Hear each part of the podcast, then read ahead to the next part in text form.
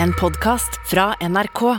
De nyeste episodene hører du først i appen NRK Radio.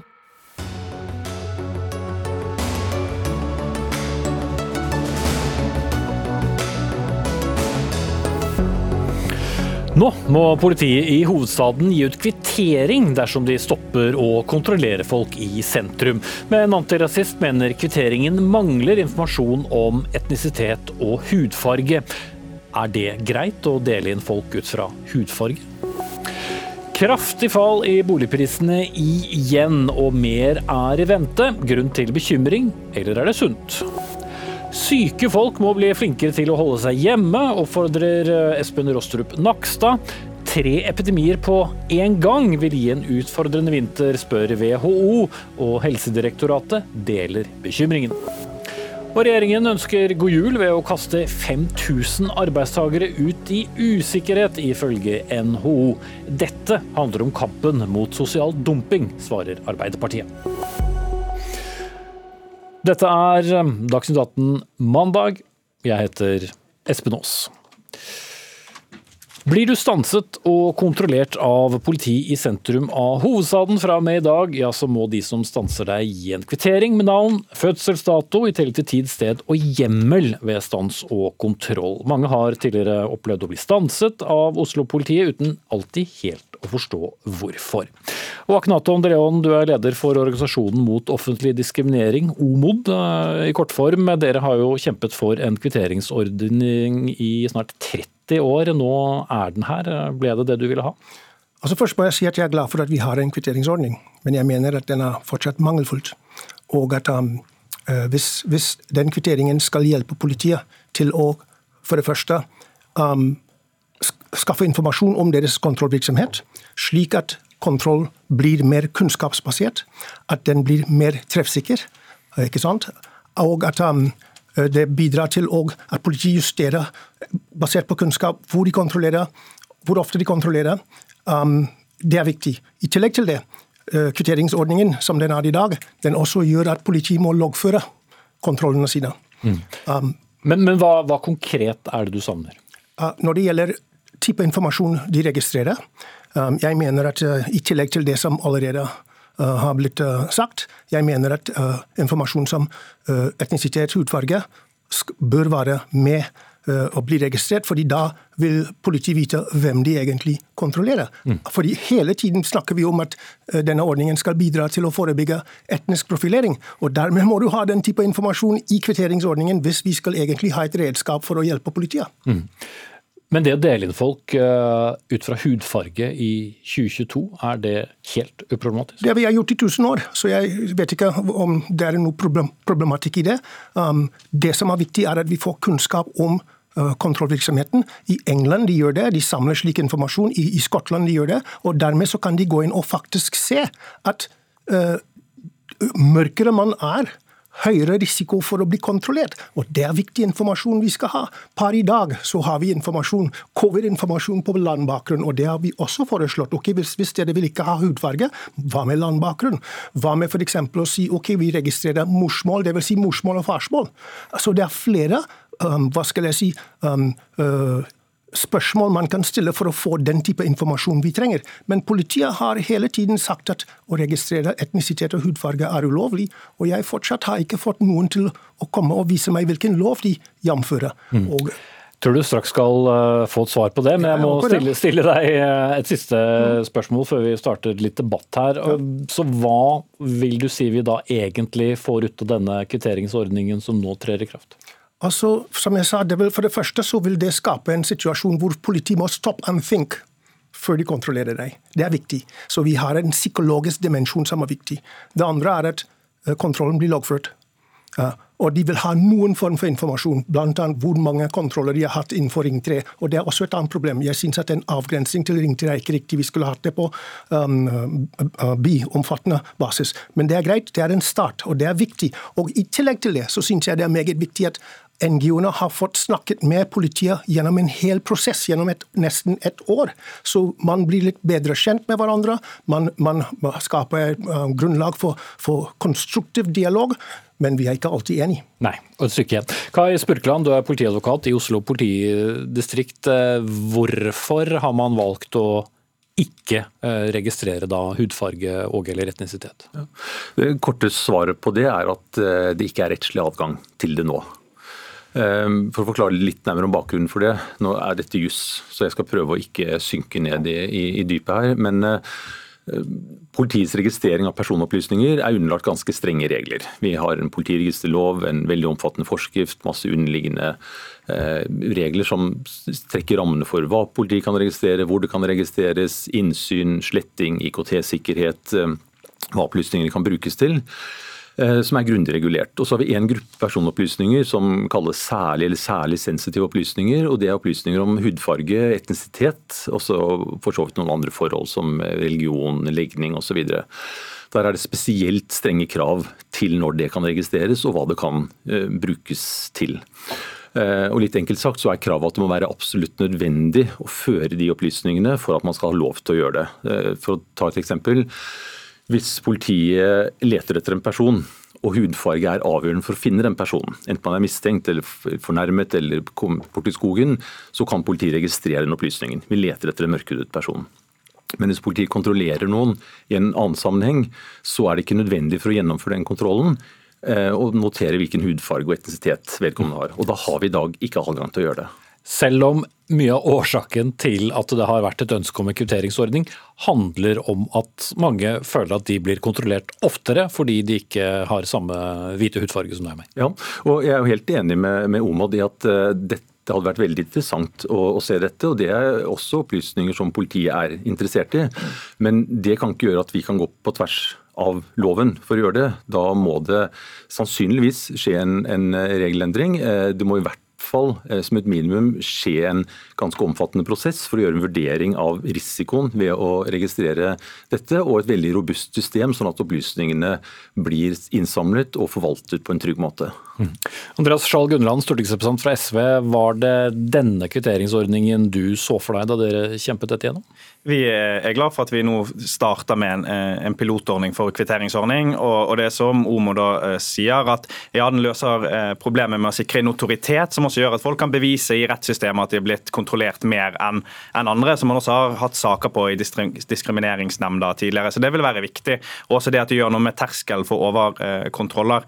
Men glasset er litt halvfullt, og det er nettopp fordi at vi mangler den eh, informasjonen for å si noe om hvor utbredt etnisk profilering eller overkontroll er. Eh, og etnisk profilering det har skjedd og det skjer i norsk politi. Det er ikke mine ord, det er Erna Solberg sine ord. Så dette vet vi forekommer. Så da må vi finne ut hvordan er dette omfanget. En kvitteringsordning ville jo vært akkurat det verktøyet vi trenger for å vite noe mer om det. Og det er jo helt riktig at det er veldig strenge krav i politiregisterloven paragraf 7 til hvordan man eh, behandler denne type informasjon. Det må være strengt nødvendig ut ifra formålet med den informasjonen. Eh, og da vil jeg si at Den bestemmelsen den kan man tolke på litt ulike måter når formålet her er å nettopp kartlegge omfanget for informasjon og hindre en overkontrollering av befolkningen. Men greit, hvis vi sier da, som politiet hevder at det er lovverket som setter en skranke her, så kunne vi også fått det prøvd av andre instanser i Norge som den denne eh, gruppen også har ønsket at skal teste det. Eller man kunne meldt ifra til oppdragsgiver, Justisdepartementet, eller til Stortinget. at man ønsket å samle inn den informasjonen, så vi kunne tydeliggjort eh, lovbestemmelsen. Så her synes jeg at man kunne, Hvis politiet er enige om at man ønsker den informasjonen, som jeg håper de, de ønsker, da kan vi få ryddet opp i det her. Så det handler mer om lovtolkning her? Nei, vi vi politiet vi har gjort en grundig vurdering eh, av dette. Vi har hatt dialog med, med politiets fagmiljø på dette, som er eh, Kripos, og som også er eier de systemene hvor det er aktuelt å registrere opplysningene. Og det å, Hvis politiet skulle gått i gang og registrere etnisitet og hudfarge nå, så ville vi vært på, på en uansvarlig tynn is rettslig sett. Så håper vi at behovet for å registrere etnisitet eller hudfarge, at det er noe av det som kan avdekkes gjennom denne piloten. Og at man da, hvis det er et ønske om å gjøre det, kan se på hva som må til for å komme dit. Og gjøre de grundige, litt prinsipielle vurderingene som er nødvendige før man går i gang med det. Men der er vi ikke per i dag. Men jeg ser jo noen uh, utfordringer med hvordan du skal da klassifisere på, på, etnisitet. Skal det bare gå på um, hvorvidt man er melaninrik? Hva da hvis man uh, er jødisk, østeuropeisk? Altså det er jo mange, skal det være forskjell på om du er adoptert, ikke adoptert? Her er det jo uh, det er ma mange. Det, det, er, det, er, mange variabler. Ja. Men i England de har brede kategorier som man kan uh, eller krysse av, slik at vi får en indikasjon. det er i ingen verktøy her som er nøyaktig og som dekker uh, alle behov. Men uh, jeg må komme tilbake til Jeg har sittet i en arbeidsgruppe hos Oslo politi. Og vi fra dag én, sammen med, Kai, og fra dag én har vi bedt kan vi få ekstern um, kompetanse, eller innhente ekstern kompetanse som SSB, som Datatilsynet, som Kripos, så slik at de kan komme og informere oss om faktisk hva vi kan registrere, ikke registrere, hvordan det skal registreres, slik at vi kan komme, hvis nødvendig, med forslag til, til um, de som lager lover i Norge, Stortinget, ja. Stortinget, om hvordan vi kan faktisk få til en slik um, uh, ordning som er effektiv og kunnskapsbasert. Og Det er det vi trenger. Um, uh, og vi, vi, vi, vi savnet den muligheten, fordi vi ba om det både skriftlig og muntlig. Vi fikk ikke det til. Så når politiet sitter her i dag og så de har gjort en fortolkning av loven, men uh, som vi vet at loven kan tolkes på mange måter. Um, vi trenger den type informasjon, fordi det vil gi politiet spissinformasjon uh, om hvor skoen trykker. Mm. Handler det også her Spurkland, litt om hvor byråkratisk eh, et system kan være og ikke være, og den tiden man skal uh, bruke på det? Ja, det, det, spiller alltid inn. og Hadde vi hatt veldig god tid, så ville vi fått bedre mulighet til å gjøre disse vurderingene. Eh, så tror jeg nok at det å, prøve en kvitteringsordning reiser veldig mange spørsmål. Dette er ett av, eh, av spørsmålene. Eh, så reiser det veldig mange praktiske spørsmål. Vi har brukt mye tid på å se på hvilke typer kontroller, hvilke kontrollsituasjoner skal kunne gi en kvittering osv. Så, videre. så jeg tror ikke det er noen direkte ulempe å ta det i litt små porsjoner. Den bestillingen vi har fått fra Justisdepartementet er å teste ut en teknisk løsning på å kunne dokumentere kontroll. Det er det vi tilbyr nå. Så har vi bl.a. på innspill fra OMOD og, og interesseorganisasjonene sett på muligheten for å registrere flere ting, for å få et bredere vurderingsgrunnlag. og komme til at Det har vi ikke grunnlag for å gjøre nå. Men det er med på lista, både over de tingene som politiet ønsker informasjon om, eh, og det som vi skal ta med oss videre i evalueringen når det skal gjøres en vurdering av hva man gjør med de erfaringene man vinner fra eh, denne piloten. Mm. Ja, Underland, eh, vi forstår jo hvorfor dere begge eh, har noen ønsker når det gjelder dette med, med etnisitet og, og, og, hudfarge. Men så har du den andre siden, da, gitt at det kommer ut en etterlysning, det kommer et, et signalement, og for hver enkelt politi da skal stoppe, så skal du gå gjennom en hel liste med, med, med punkter. Kan det virke kontraproduktivt? Eh, jeg tenker ikke det er hovedproblemet. Jeg tenker Det er noen utfordringer med å, å skulle oppgi om det er etnisk bakgrunn eller hudfarge eh, eller sånne ting. For det, og det man har sett fra erfaringen fra noen land, at det kan oppleves stigmatiserende hvis det gjøres på feil måte. Men det betyr ikke at man ikke kan gjøre det på god måte. Eh, og Det er det publikumsmøtet vi har vært veldig opptatt av med kvitteringsordningen. Og det man har sett er jo at Mennesker som blir kontrollert mye, stoppet mye fordi de har annen hudfarge enn meg, de får redusert tillit til politiet.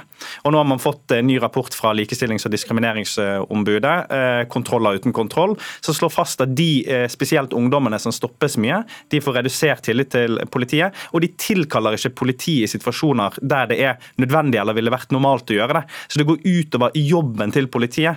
Og jeg er opptatt av at eh, politiet skal ha høy tillit i befolkningen. De trenger tillit for å gjøre jobben sin, og kvitteringsordning er én måte å gjenreise den tilliten. Kort på det, Spurkland. Ja, Det virker som vi er enige om at det er noen utfordringer knyttet til det å registrere eh, etnisitet. Så er det også utfordringer knyttet til å bruke det når man har registrert det. Men det er også noe av grunnen til at eh, det kan være riktig å gå litt skrittvis. Eh, for hvis man skal begynne å registrere etnisitet, så må man ha et system for det som ikke skaper avstand mellom publikum og politi, men som, er, som inngir tillit, og som gir opplysninger med høy kvalitet, sånn at ikke det kan misbrukes til andre enden. For det er dette opplysninger som kan misbrukes. Mm. Nå vil du ikke være et punkt om verken hudfarge eller elektrisitet på denne kvitteringen, men hvis du likevel har fått en kvittering, så kan du vel likevel bruke den som et bevis, hvis du føler at du har blitt stanset i overkant mye bare fordi du har en fin sykkel og Helt klart, helt klart, og det, det nettopp det, det, det, gir deg dokumentasjon på at du har faktisk blitt kontrollert. og det, så Vi er veldig glad for at vi, får, vi, har fått en kvittering, så det er flere aspekter ved en kvitteringsordning. Men det som er viktig å få med nå, dette er en prøveordning. Og i september, Fra september neste år så skal man evaluere. Og hvis den eh, er dårlig fra starten av, og man skal evaluere en dårlig kvitteringsordning, konklusjonen er kanskje at vi trenger den ikke. Og Det er derfor vi er veldig um, frampå og sier at dette må være veldig bra fra starten av. Og vi har hatt ni måneder til å finne løsninger for denne kvitteringen. Og jeg tror at det er mulig. Mm. Ser ikke bort fra at det kan bli en ny runde i Dagsnytt 18 i hvert fall. Akenato Ondeleon, leder for Organisasjonen mot offentlig diskriminering. Kai Spurkland, politiadvokat i Oslo politidistrikt. Og Andreas Skjalg Undland, stortingsrepresentant for SV. Takk skal dere ha, alle tre.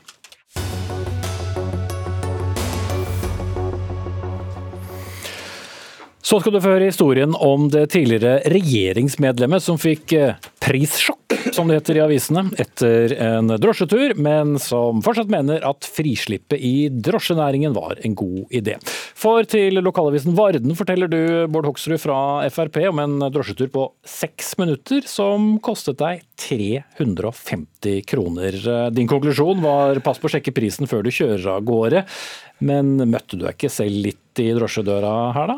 Nei, det var fordi jeg bare valgte å bare hoppe inn og preie en taxi som sto der, istedenfor å gjøre som jeg egentlig burde gjøre, nemlig gå inn på mobilen min, sjekke appen og så bestille en tur fra et sted til et sted. Da får man en mye lavere pris. og Det viser at det funker, men det er, vi forbrukere må være litt bevisste for å få de gode, billige prisene. Så her er det masse muligheter, og så kan man selvfølgelig Noen vil prøve seg.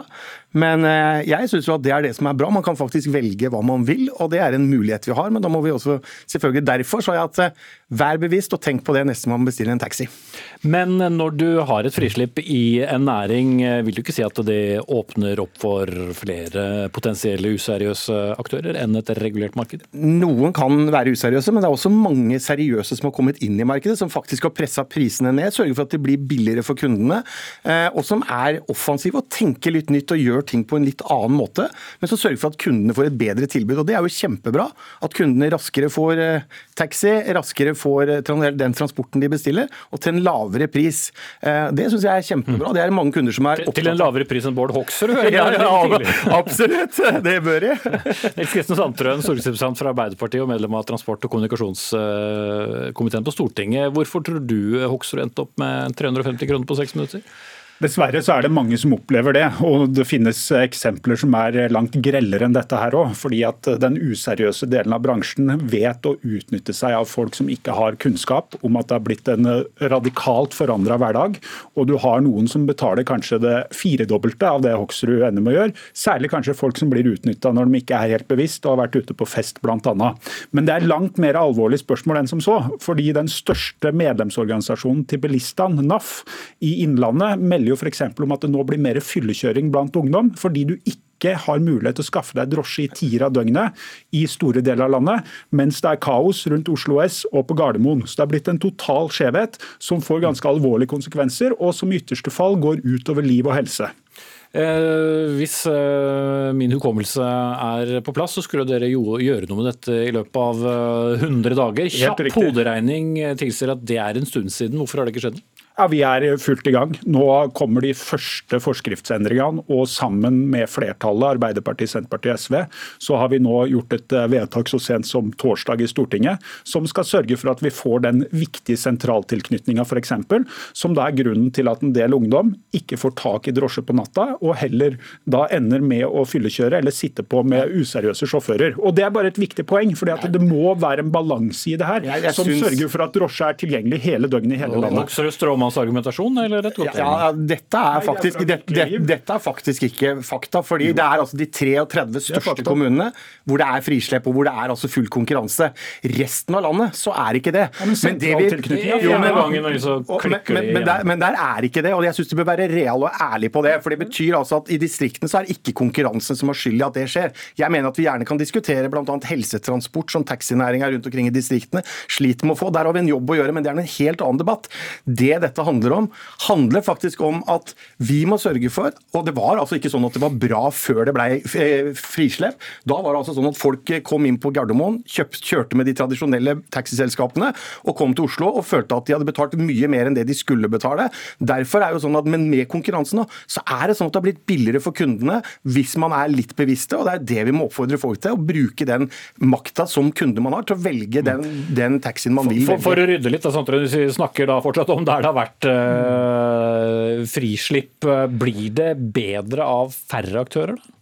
Det blir best med et passelig antall aktører som er seriøse og som gir deg en forutsigbar pris i stedet for ublepriser. Men det Hoksrud sa her i stad var helt feil, fordi sentraltilknytninga er fjerna. Det er et faktum. Tidligere kunne eldre folk ringe til drosjesentralen og vite at de ble henta hvis de skulle på apoteket eller på legevakta. Sånn er det ikke over hele landet i dag, dessverre. Det er en frihet til mange mennesker som har blitt frarøva pga. det her.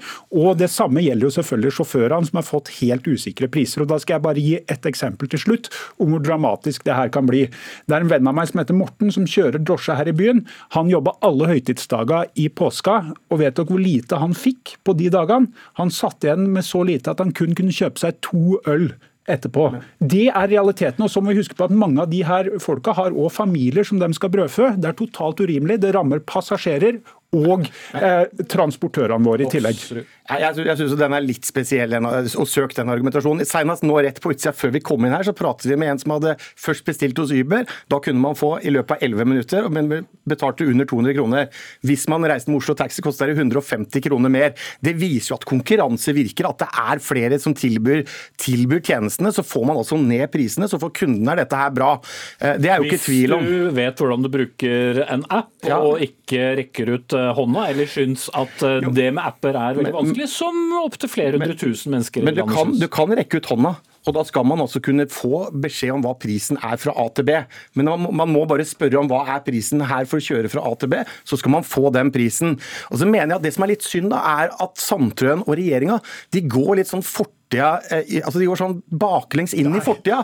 For det er altså sånn at, jo, for Før i tida for eksempel, så hadde vi, hadde vi på bowlinghallen så store, eksempler. Norge ser ut i dag. I Norge i dag så er det 600 000 mennesker som verken er på internett eller har smarttelefon. De er satt ut av spill til å kunne ja, Det er et faktum. Det er 600 000 som ikke er på internett og har smarttelefon.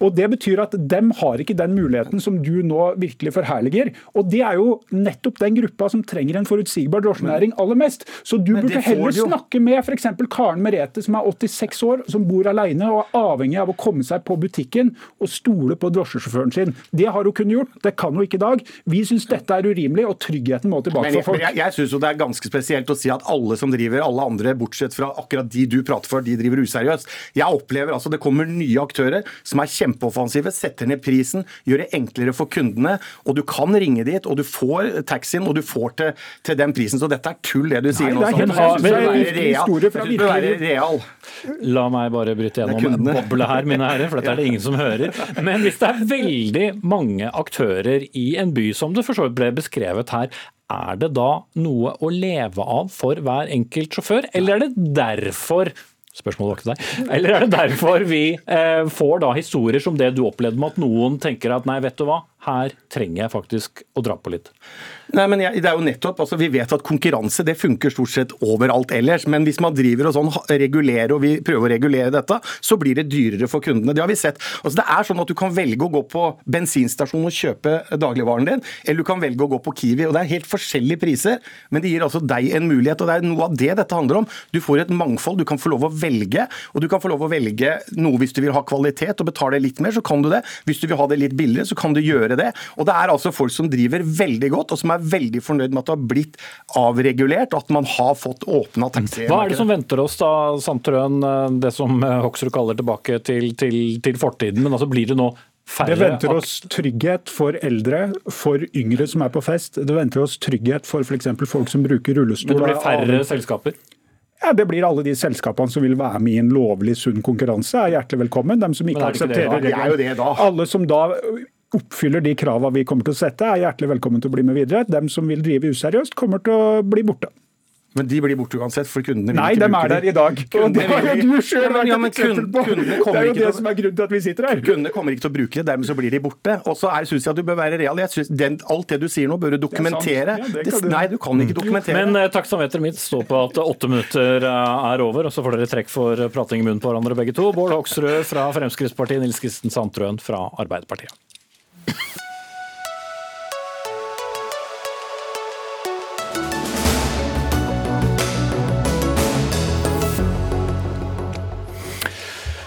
Nok en gang kom nyheten om at eh, boligprisene er på vei ned.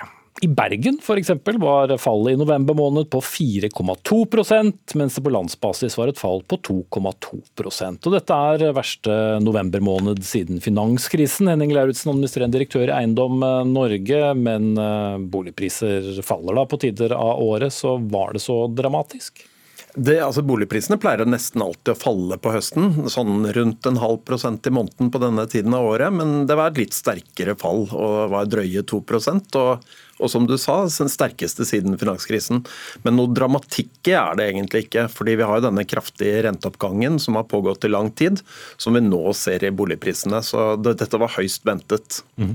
Nere Masic, eh, sjeføkonom ved Prognosesenteret. Forut for disse tre månedene så har det jo vært en eh, sammenhengende oppgang, mer eller mindre. Er det en sunn korrigering, eller bare starten på noe som kan gjøre litt vondt for noen? Jeg tror dette er en sunn korrigering, og at vi ikke kommer til å få noe priskrakk. Ehm, Selv etter disse tre månedene med fallende boligpriser, så er prisene nasjonalt 16% høyere enn det de var i november 2019. Altså siste novembermåned rett før pandemien. Så de fleste i Norge kjøper jo og selger ikke boliger så ofte. Eh, Man bor i snitt ca. fem år i, i hver bolig. Eh, og dermed så er det altså det å følge altfor mye med på de månedlige prisendringene, eh, det tror jeg kanskje kan forvirre folk eh, mer enn nødvendig. Mm. Men det var jo da en topp en gang i fjor høst, eller var det var den i, allerede i høst? Noen har vel grunn til å være litt mer nervøse enn andre, for de klarte å treffe toppen. Toppen ble jo da nådd i august i år, eh, rett før eh, prisnedgangen startet i september. og Så er prisene ned litt over 6% på tre måneder nå.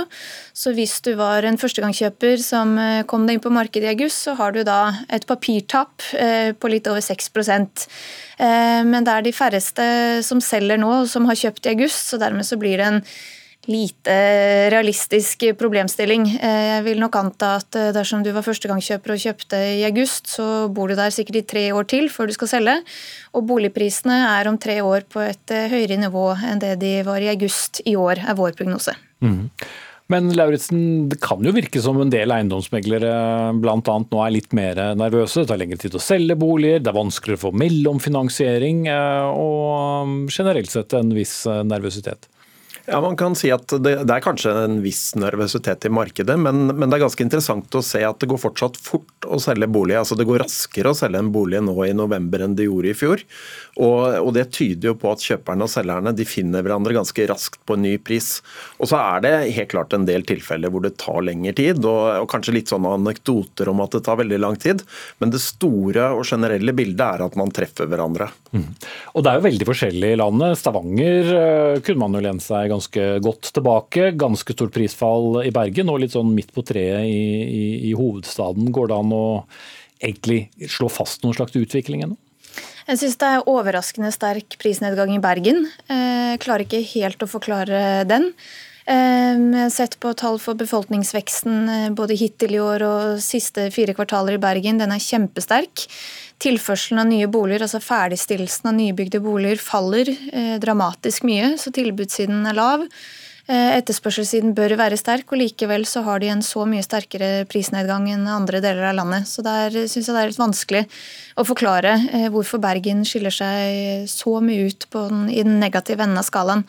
Men uh, i hovedstaden så, så, bør egentlig i teorien boligprisene falle mest, på kort sikt i hvert fall, fordi dette er det mest rentesensitive boligmarkedet. Uh, og på lengre sikt så er nok oppsiden størst i Oslo, siden boligbyggingen er mest begrenset her. Så det er store geografiske forskjeller, og gir også kanskje litt lite mening å snakke om de norske boligprisene. sånn men, men, er det noe der uh, vårt publikum agerer, da? Men Lauritzen, ut fra det Masic sier her, så er det jo kanskje et tidspunkt nå hvor mange kanskje kan gjøre et slags kupp da, før det skal stige? Altså, det, det er ganske mange som kjøper seg opp oppover i boligmarkedet. Og, og, da er det jo sånn sett en fordel at prisene går litt ned. For da er jo det man kjøper får et forholdsmessig større avslag, i hvert fall hvis man ser i kroner. Ja, for det du mener er altså at man typisk man sitter på sitt første ettroms, skal opp til en toroms eller en treroms? Man flytter sammen med, med, sin kommende samboer osv. Og, så videre, og kjøper noe som kanskje er dobbelt så dyrt som det man hadde. og det er klart, Da, da er det greit at prisene går nedover. Som, som Nera sier, så er det sånn for de som er inne på markedet, så har det jo liten betydning om, egentlig om prisene går opp eller ned akkurat der og da, så lenge, lenge du bor. Men uh, man kan si at uh, for de aller fleste har ikke dette noe betydning. Men, uh, men, det er klart det er litt mer spennende å være ute på boligmarkedet i øyeblikket. Men noen det kan ha betydning for, som du poengterte før sending i dag, var at leiemarkedet kan bli påvirket. Hvordan da? Altså, det, vi, vi, ser noen litt rare ting for tiden. Og det, og det, er at det er et ganske mye større press på leiemarkedet enn det det er på boligprisene. Altså, det er en høyere leieprisvekst enn boligprisvekst. Og det, og det, skyldes nok en slags kombinasjon av at utleie er litt mindre lønnsomt pga. Altså, høyere renter f.eks. Og det gjør at det kan være litt mindre tilførsel av leieboliger enn det som er vanlig. Samtidig så har det veldig stor etterspørsel etter leieboliger. Arbeidsinnvandrerne er tilbake etter pandemien. Og I tillegg så, så kommer det mange flyktninger fra bl.a. Ukraina. Og det, og det gjør at presset på leiemarkedet både er og kommer nok til å være sterkere en periode fremover, og kan bli veldig mye sterkere enn det det ordinære boligmarkedet er. Mm. Og nordmenn er jo viden kjent for å måtte nærmest eh, eie sin egen bolig og ikke leie den, men ser du for deg noen, noen endringer i dette markedet, Masic? Ja, nå som det er flere som både får avslag på lånesøknaden sin, som ikke får finansieringsbevis, og blant de som får finansieringsbevis, så er summen lavere enn det den var for tre måneder siden når de søkte sist, så er det kanskje flere som kommer til å bli tvunget over i leiemarkedet, selv om det ikke var planen eh, i utgangspunktet. Så jeg tror nok at leieetterspørselen kommer til å øke fra flere grupper i samfunnet. Eh, både da kommunene som etterspør boliger for de ukrainske flyktningene, det finnes ikke nok kommunale boliger til å bosette dem, så da må kommunene ut på det private leiemarkedet. I tillegg til nyutdannede, eh, men ikke bare nyutdannede, men andre også, som nå opplever at finansieringsbeviset eh, Det står en lavere sum på det beviset enn det det gjorde for litt siden. Og det er pga. renteutviklingen? Det er både pga. renteøkningen, altså du skal takle denne stresstesten på 5 prosentpoeng renteøkning, men det er også fordi SIFO sitt referansebudsjett har blitt oppdatert. Vanligvis oppdateres det bare i februar hvert år, men pga. at konsumprisveksten har vært så sterk gjennom dette året, her, så kom de med en ny oppdatering i slutten av september. Den er mye mer realistisk, og den har tatt inn over seg at alt har blitt mye dyrere. Og det er denne bankene eh, legger til grunn når de vurderer om eh, en, eh, en som søker lån kan få innvilget en viss sum eller ikke. Mm, ja, for det er rett og slett regnet ut at de daglige utgiftene dine fremover kommer til å være langt høyere enn tidligere pga. at alt blir dyrere? Det I kombinasjon med den stresstesten er et hinder for mange. Mm. Men uh, Lauritzen, uh, blir det aldri den store korrigeringen da? For det kommer til å gå litt ned også neste år, og så ja, nå, nå, eh, nevnte Neira en ting her som er litt interessant. og Det er jo denne stresstesten som, som, kan gjøre effekten av renteøkningen sterkere enn det renteøkningen isolert sett skulle tilsi. Og det, og det er stort sett grupper med vanlig inntekt som utsettes for denne, eller virkningen av denne stresstesten. Så det blir litt spennende å se. Men, men mest sannsynlig så er det sånn at når renteøkningene er over, så vil andre krefter som lønnsvekst og andre ting begynne å bringe prisene tilbake oppover igjen. Og, og det vil mest sannsynlig skje i løpet av neste år allerede. Jeg kan ikke annet å takke, jeg, ikke, jeg skal takke dere, men å tenke stakkars de som fortsatt da ikke er inne i boligmarkedet, for det blir jo ikke så veldig mye lettere da? Nei, det kan jo bli Det kan bli eh, litt lettere enn det det er i dag. Vi forventer at prisene skal eh, videre ned. Mm, men det blir vanskeligere for dem å få det lånet som de kunne ha fått for eh, et halvt år siden. Ja. Så det kan fort bli akkurat like vanskelig. Mm. Det var det sluttspillet. Meira Masic, sjeføkonom i Prognosesenteret, og Henrik Lauritzen, eh, administrerende direktør i Eiendom. Sa jeg Henrik? Ja, Henrik er veldig bra, det også. Ja, her tar jeg selvkritikk. Henning. Men nå må dere gå. Ha det.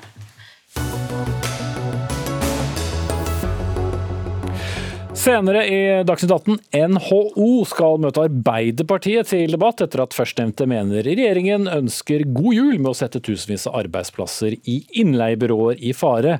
Men dette er trømske argumenter, ifølge Arbeiderpartiet.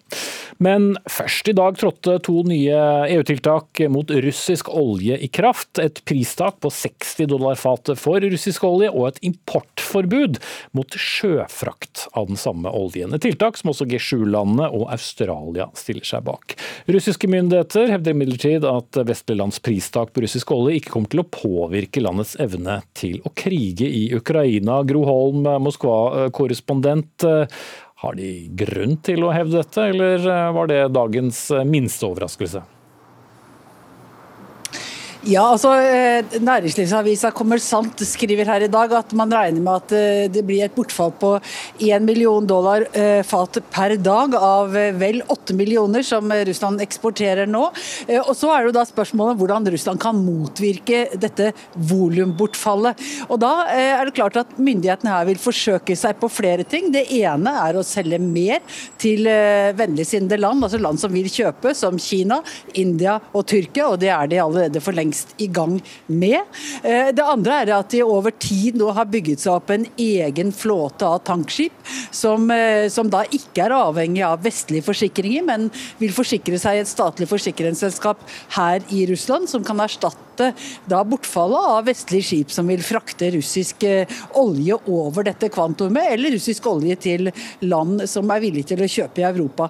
Eh, så, så her er det flere måter å gjøre på. Endelig så finnes det jo også da spøkelsesskip, eller en skyggeflåte i verden, som over lengre tid har fraktet olje for land som Nord-Korea, Iran og Venezuela, som har vært underlagt sanksjoner. og Det er også eh, skip som da Russland vil kunne tenke seg å benytte seg av.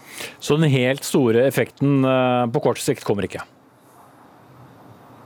Nei, og nå ligger jo da prisen på denne kvaliteten som Russland selger, Ural, den ligger noe under brentoljen i pris, en 20-25% under. Så det betyr at den for øyeblikket ligger på litt over 60 dollar fatet. Og det er jo ikke så veldig stor forskjell mellom 2-63 dollar og de 60 dollarene som EU har satt som, eh, som tak.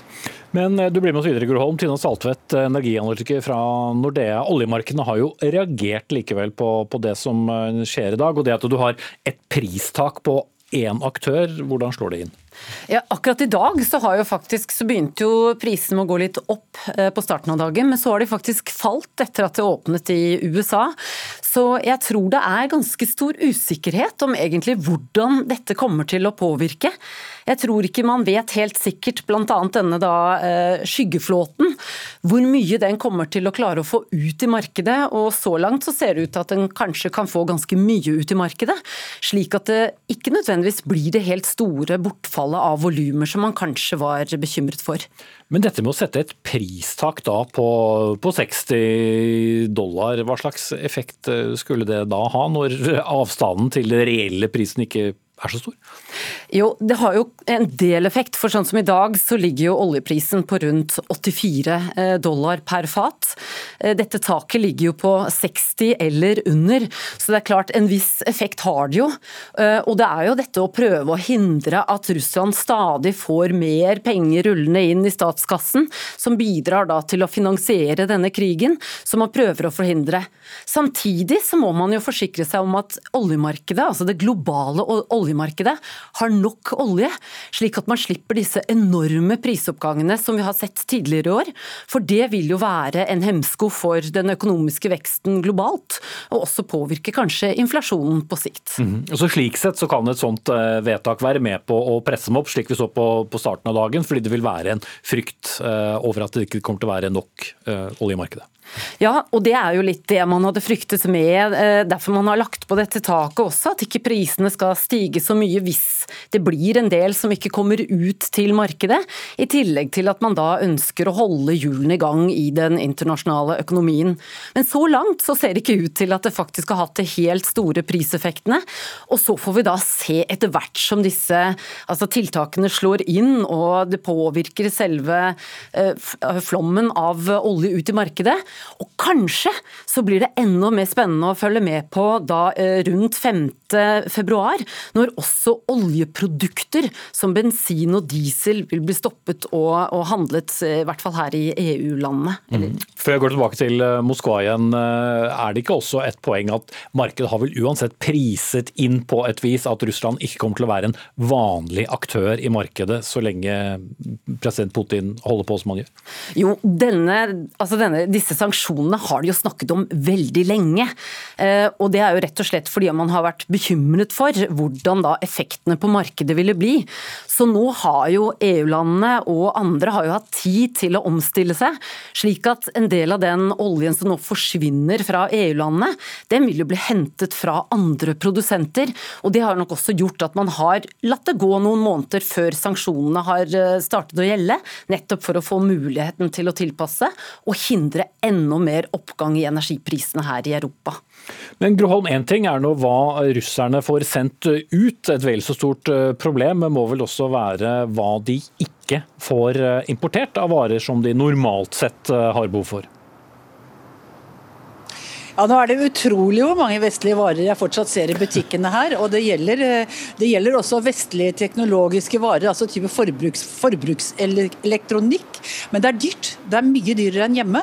Eh, og, og, det er jo noe som rammer særlig da middelklassen i byene. Og det er jo den som også rammes av eh, problemene med å reise ut av landet, besøke EU som turist. Det at de ikke får brukt kredittkortene sine i, i vestlige land. det er er selvfølgelig noe som rammer særlig middelklassen. Men nå har eh, Russland jobbet helt siden eh, like etter Krimkrigen, altså den uh, ulovlige annekteringen av Krimhalvøya i 2014, med importsubstitusjon. Altså med å eh, bygge ut egen industri som skal lage erstatningsvarer. Og Det er da forbud mot import av en rekke typer varer, og det gjelder særlig mat, kjøtt, fisk ost, den type ting. Og det er eh, relativt lite utenlandske varer innenfor de kategoriene å se i butikkene her nå. Mm. Men hva gjør man da med f.eks.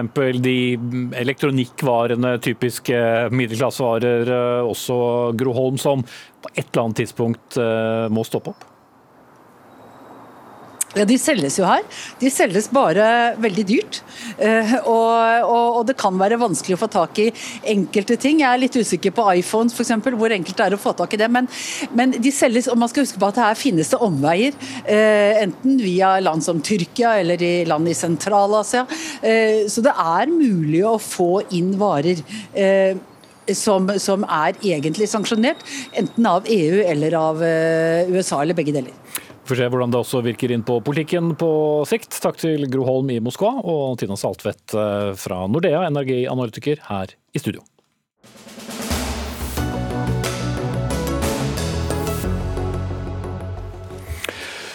Er du syk, hold deg hjemme føltes ut som vi slo opp en gammel skade fra 20 eller 2021 nå, kanskje. Men uh, vi er der igjen etter at Verdens helseorganisasjon, WHO, har uttrykt bekymring og spår at det kan bli en tøff sykdomsvinter. Det handler om tre ting på en gang, et kinderegg kanskje ingen ønsker seg. Influensa, covid-19 og RS-virus. Espen Rostrup Nakstad, assisterende helsedirektør. Dere deler da WHOs bekymring. Hva slags vinter kan vi da gå i møte?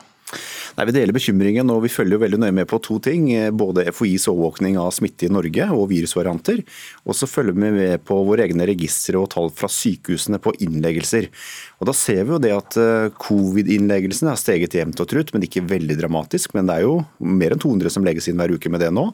Og så ser vi en ganske tydelig stigende influensa nå. Nå er vi mellom 50 og 100 innleggelser per uke i sykehus av den grunn så ser vi at RS-virus, som rammer særlig de mellom 0 og 4 år, at der har vi også passert 50 innleggelser i uka.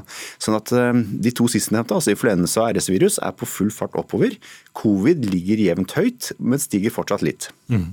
Så da er vi litt tilbake til er du syk, hold deg hjemme og vask hendene og hold avstanden?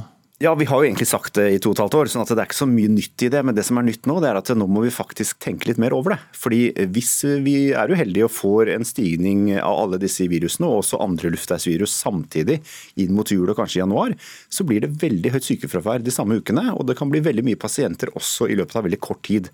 Og det er veldig uheldig. sånn at Den beste måten å begrense det på, det er jo å være hjemme når du er syk, for da kan du ikke smitte noen andre. Og så er det å følge anbefalingene om vaksine fra FHI. Mm.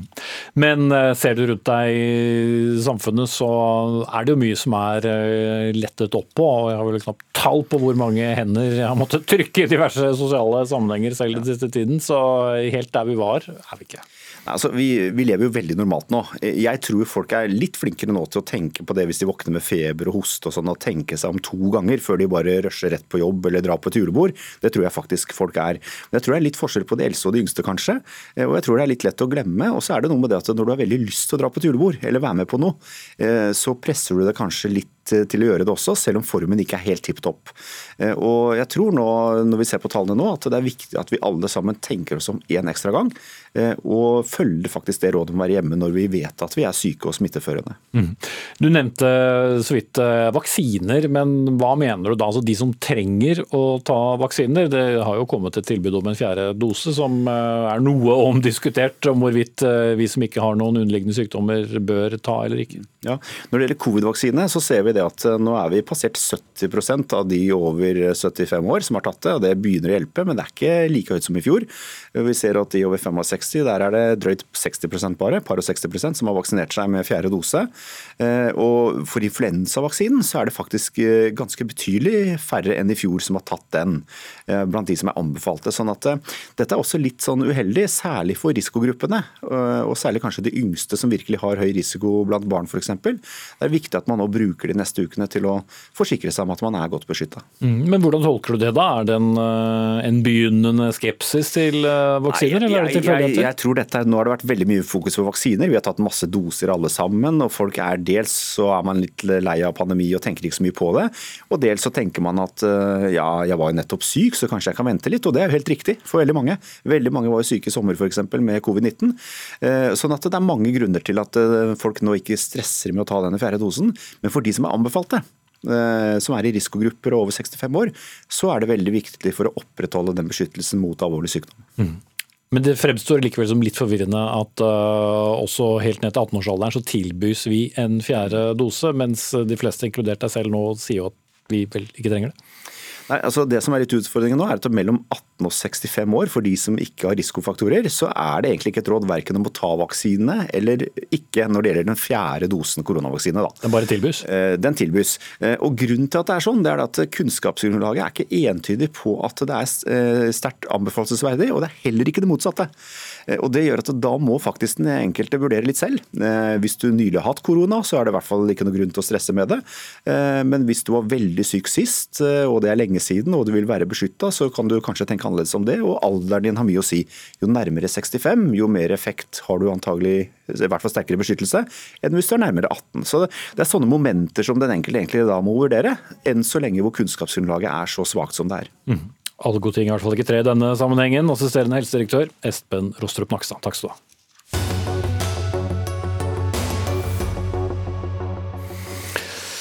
Så tilbake til eh, striden om eh, bemanningsbransjen, og nå skal det handle om innstrammingen. Eh, for i dag avga arbeids- og sosialkomiteen på Stortinget sin innstilling, og Næringslivets hovedorganisasjon, eller NHO, er sterkt kritisk til hvordan dette rammer de som jobber i nettopp bemanningsbyråene. God jul, du har sparken. Hilsen regjeringen. Det var ikke regjeringen som skrev det, men et debattinnlegg som du skrev under, Anne Cecilie Kaltenborn, administrerende direktør i NHO Service og, og Handel. Men er det akkurat det regjeringen mener, da? Eh, om de ikke mener det, så er det i hvert fall det som blir effekten. Eh, og Regjeringen har jo ikke satt så mye fokus på det. De har ikke vært åpne om hva som egentlig er effekten av de forbudene mot innleie som, eh, som de ønsker å sette i gang. Eh, men realiteten er at tusenvis av mennesker vil få beskjed om at de er sagt opp, skal være ute før 1.4. Og dette er jo folk som har en fast stilling i et profesjonelt bemanningsbyrå i Norge. Eh, med de samme rettighetene som andre fast ansatte. Og Det er helt ufattelig at regjeringen ønsker dette, eh, midt i en tid hvor veldig mange mennesker har vanskelig for å få endene til å møtes, og hvor utrygghet egentlig er det vi alle burde arbeide for å unngå. Mm. Ja, hvor mye har dette spilt inn, Trine Lise Sundnes, medlem av arbeids- og sosialkomiteen på Stortinget fra Arbeiderpartiet? Altså Det som har spilt inn, det er at vi ønsker eh, å styrke eh, det seriøse og trygge arbeidslivet. Eh, og Det er jo bakgrunnen for hvorfor disse reglene kommer nå, som jo er en kraftig innstrømming av innleie Eh, foretakene. Men det er jo ingen overraskelse, og kommer neppe som noen overraskelse. Dette var jo en av de store eh, sakene i valgkampen. Faktisk en av de store som jeg tror også var med å velte eh, stortingsflertallet over på venstresiden fra mm. høyresida. Så de som da muligens ikke har noen jobb fra 1.4, de får skylde seg selv når de begynte å jobbe i denne bransjen? da? Eller? Nei, det vil være overgangsordninger her. Samtidig så er det sånn at det vi ønsker med disse disse, eh, disse, regelendringene, det er jo å sørge for at bedriftene ansetter direkte. At de eh, istedenfor å gå via et bemanningsforetak, og, og bemanningsforetakene har nå blitt en ganske stor bransje, eh, sørger for at bedriftene sørger for at disse eh, ansettes direkte i den virksomheten som leder det arbeidet de er satt til.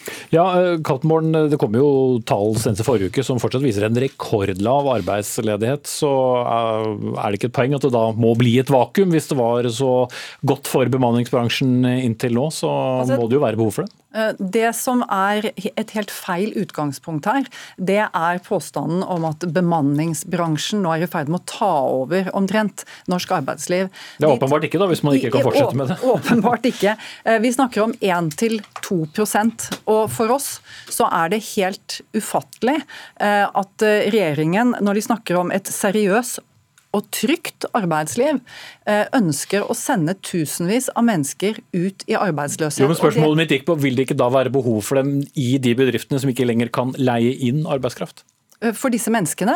Ja, Det kan tenkes at noen av dem får en ny jobb, men det som er eh, regjeringens foretrukne modell, det er at et menneske som det da vil være behov for når det er variabel arbeidsmengde ved forskjellige typer bedrifter, enten det er sesong eller annet, eh, at de istedenfor selv skal gå fra oppdrag til oppdrag og bli permittert eller sagt opp når det ikke lenger er behov for dem, istedenfor å bli sluset fra oppdrag til oppdrag av et bemanningsselskap bemanningsselskap som har det som nettopp sin forretningsidé.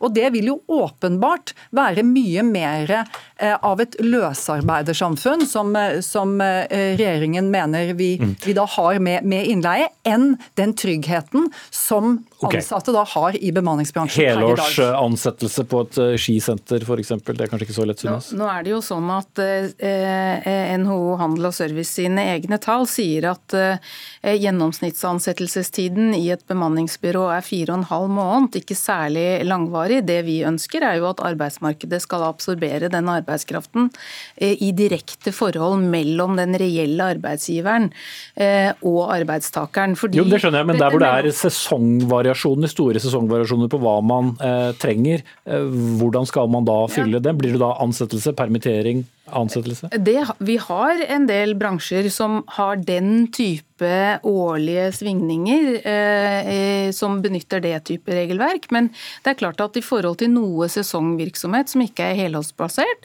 så vil man belage seg på midlertidige ansettelser. Det er, eh, det er helt riktig. Altså, det er jo helt uh, ufattelig å si at vi har en del bransjer hvor dette er uh, situasjonen. I f.eks. reiseliv, da, uh, som, har, som i veldig stor grad er å finne i hele landet, og hvor man ikke har så lett for å finne den arbeidskraften som man trenger i Distrikts-Norge. Da er det helt nødvendig å kunne leie inn. Og de har selv sagt at dette forslaget fra regjeringen det fungerer i praksis som et forbud mot drift. Og når det gjelder industrien eh, og bygg, så har de også sagt at i praksis så vil jo dette gjøre at de vil være redde for å by på oppdrag, by på anbud. Så dette her vil ha svært alvorlige konsekvenser. Det kan i også bety at det kommer til å bli færre jobber i Norge, fordi at bedriftene ikke tør å å, ta de oppdragene som de potensielt sett kunne ha fått. Men, men eh, eh før eh, år 2000 så var innleie i Norge forbudt.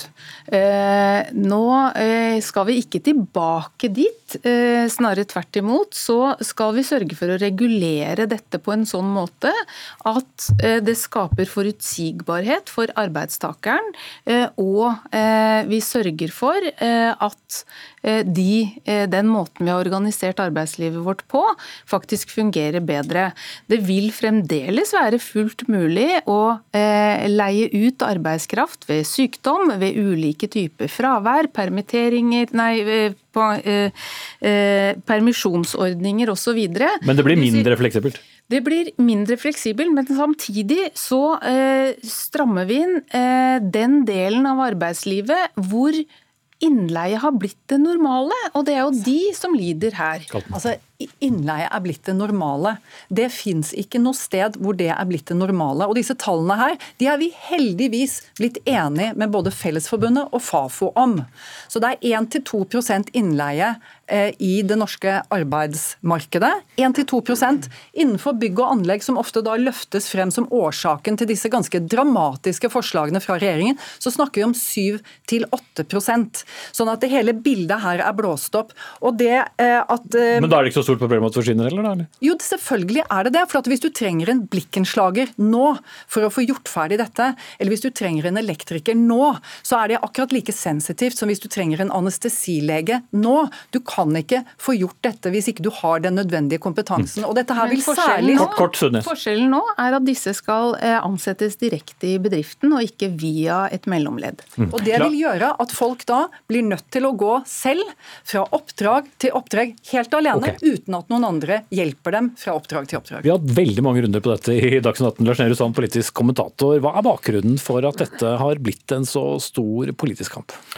For venstresiden i stort, men også Arbeiderpartiet som eh, et arbeiderparti, så har kampen for hele faste stillinger med gjerne da én arbeidsgiver eh, vært eh, helt sentralt. Det har vært viktig for Støre helt fra han la frem forslaget til partiprogram gjennom valgkampen, 100-dagersplanen som spissa hele partiprogrammet. På Hurdal da de forhandlet om regjeringsplattform, og de aller første dagene i regjeringskontoret, og nå da det som går gjennom Stortinget nå. For næringslivet så har jo dette vært ikke bare på vegne av de NHO-bedriftene som, som, er en del av bemanningsbransjen, men også de industriene som er kunder skal man si, av, av bemanningsbyråene, så er dette en helt essensiell måte å få fylt sine arbeidskraftbehov behov, og ikke minst variasjonen i det. Eh, ikke bare i det private næringsliv, som anleggsbransjen, men også i, eh, i sykehussektoren f.eks. Mm. Men er det da nødvendigvis en vinnersak eh, for regjeringen? Én ting er Arbeiderpartiet, men det er også et Senterparti med i denne regjeringen? Ja, men jeg tror også for Arbeiderpartiet som parti så er dette tosidig. For noen så forventer man at et venstresideparti og at Arbeiderpartiet som en forlengelse av fagbevegelsen skal være på de ansattes side i, i denne saken. Men så ser vi også summen av mange ting denne regjeringen har gjort, hvor man stiller spørsmålstegn med Arbeiderpartiet, som har lent seg for mye til venstre ved å, å snakke om innleie, snakke om nullprofitt, snakke om laksebaroner og den retorikken som denne saken uh, følges med. Uh, at det ikke nødvendigvis er en vinnersak for et Arbeiderparti, som nå ser at veldig mange av deres uh, velgere går til, til Høyre. Mm. Det er noen geografiske begrensninger på dette her, og det er ikke sånn at det har vært bemanningsbransje i, i, i, hele landet. Men det er jo da snakk om en del tusen arbeidsplasser. Hvordan mottas det lokalt? Nei, det varierer jo veldig, og det kjennetegner jo hele problembeskrivelsen her også. At det er ikke bare det er ikke i, i alle bransjer. Det er forskjell på byggebransjen på Østlandet og i Nord-Norge f.eks. Eh, det er forskjell fra sykehus til sykehus hvor stor eh, innleie eh, det er. Og det gjør jo også at hvor gjenkjennelig dette er som et problem, som Arbeiderpartiet forfekter, det varierer også ut ifra hvilke av Arbeiderpartiets velgere rundt omkring i landet man snakker med. Mm. Denne historien har jo vart mange år, som vi også fikk frem i debatten. Hvorfor har den nådd et klimaks nå i 2022? Men Det er jo fordi denne regjeringen har sagt at dette skal man uh, snu om på. Uh, Solberg-regjeringen mykte den opp på dette regelverket, og så kommer da rekylen nå, vil man, man kanskje si. Og, og, Derfor så tror jeg dette blir ytterligere polarisert. Og, og jeg tror det er lave odds for at det også vil, vil, kunne prege en valgkamp i 2025. Mm. Men nå er det altså flertall i, i, komiteen, og det i realpolitikk så betyr det at det er også sånn det blir når det skal stemmes endelig over? Ja, definitivt. Mm. Du har prøvd å kaste deg på. Vi har litt tid igjen, gitt at du gir Sundnes også tid til en replikk. At det skal være eh, å stå på de ansattes side eh, og forby eh, faste stillinger i profesjonelle bemanningsselskap, det har jeg veldig vanskelig for å se. Og det blir ikke flere faste hele stillinger ved å forby bemanning, fordi at innleie veldig ofte fyller et variabelt mm. arbeidsbehov. Det mener du, Sundnes? Det eh, mener vi i Arbeiderpartiet. At eh, vi forbyr ikke eh, faste stillinger i bemanningsbyråer. Vi sterkt regulerer det på en sånn måte at ansatte skal direkte ansettes i det, den virksomheten der arbeidet utføres. Trine Lise Sundnes, stortingsrepresentant fra Arbeiderpartiet, og Anne Cecilie Kaltborn, administrerende direktør i NHO Service og Handel, og politisk kommentator her i NRK, Lars Nehru Sand. Takk skal dere ha alle tre. Vi er ved veis ende med ukens første Dagsnytt 18. Gro var ansvarlig for den. Frode Thorshaug tok seg av det tekniske. Jeg heter Espen Aas. Vi ses og høres igjen i morgen.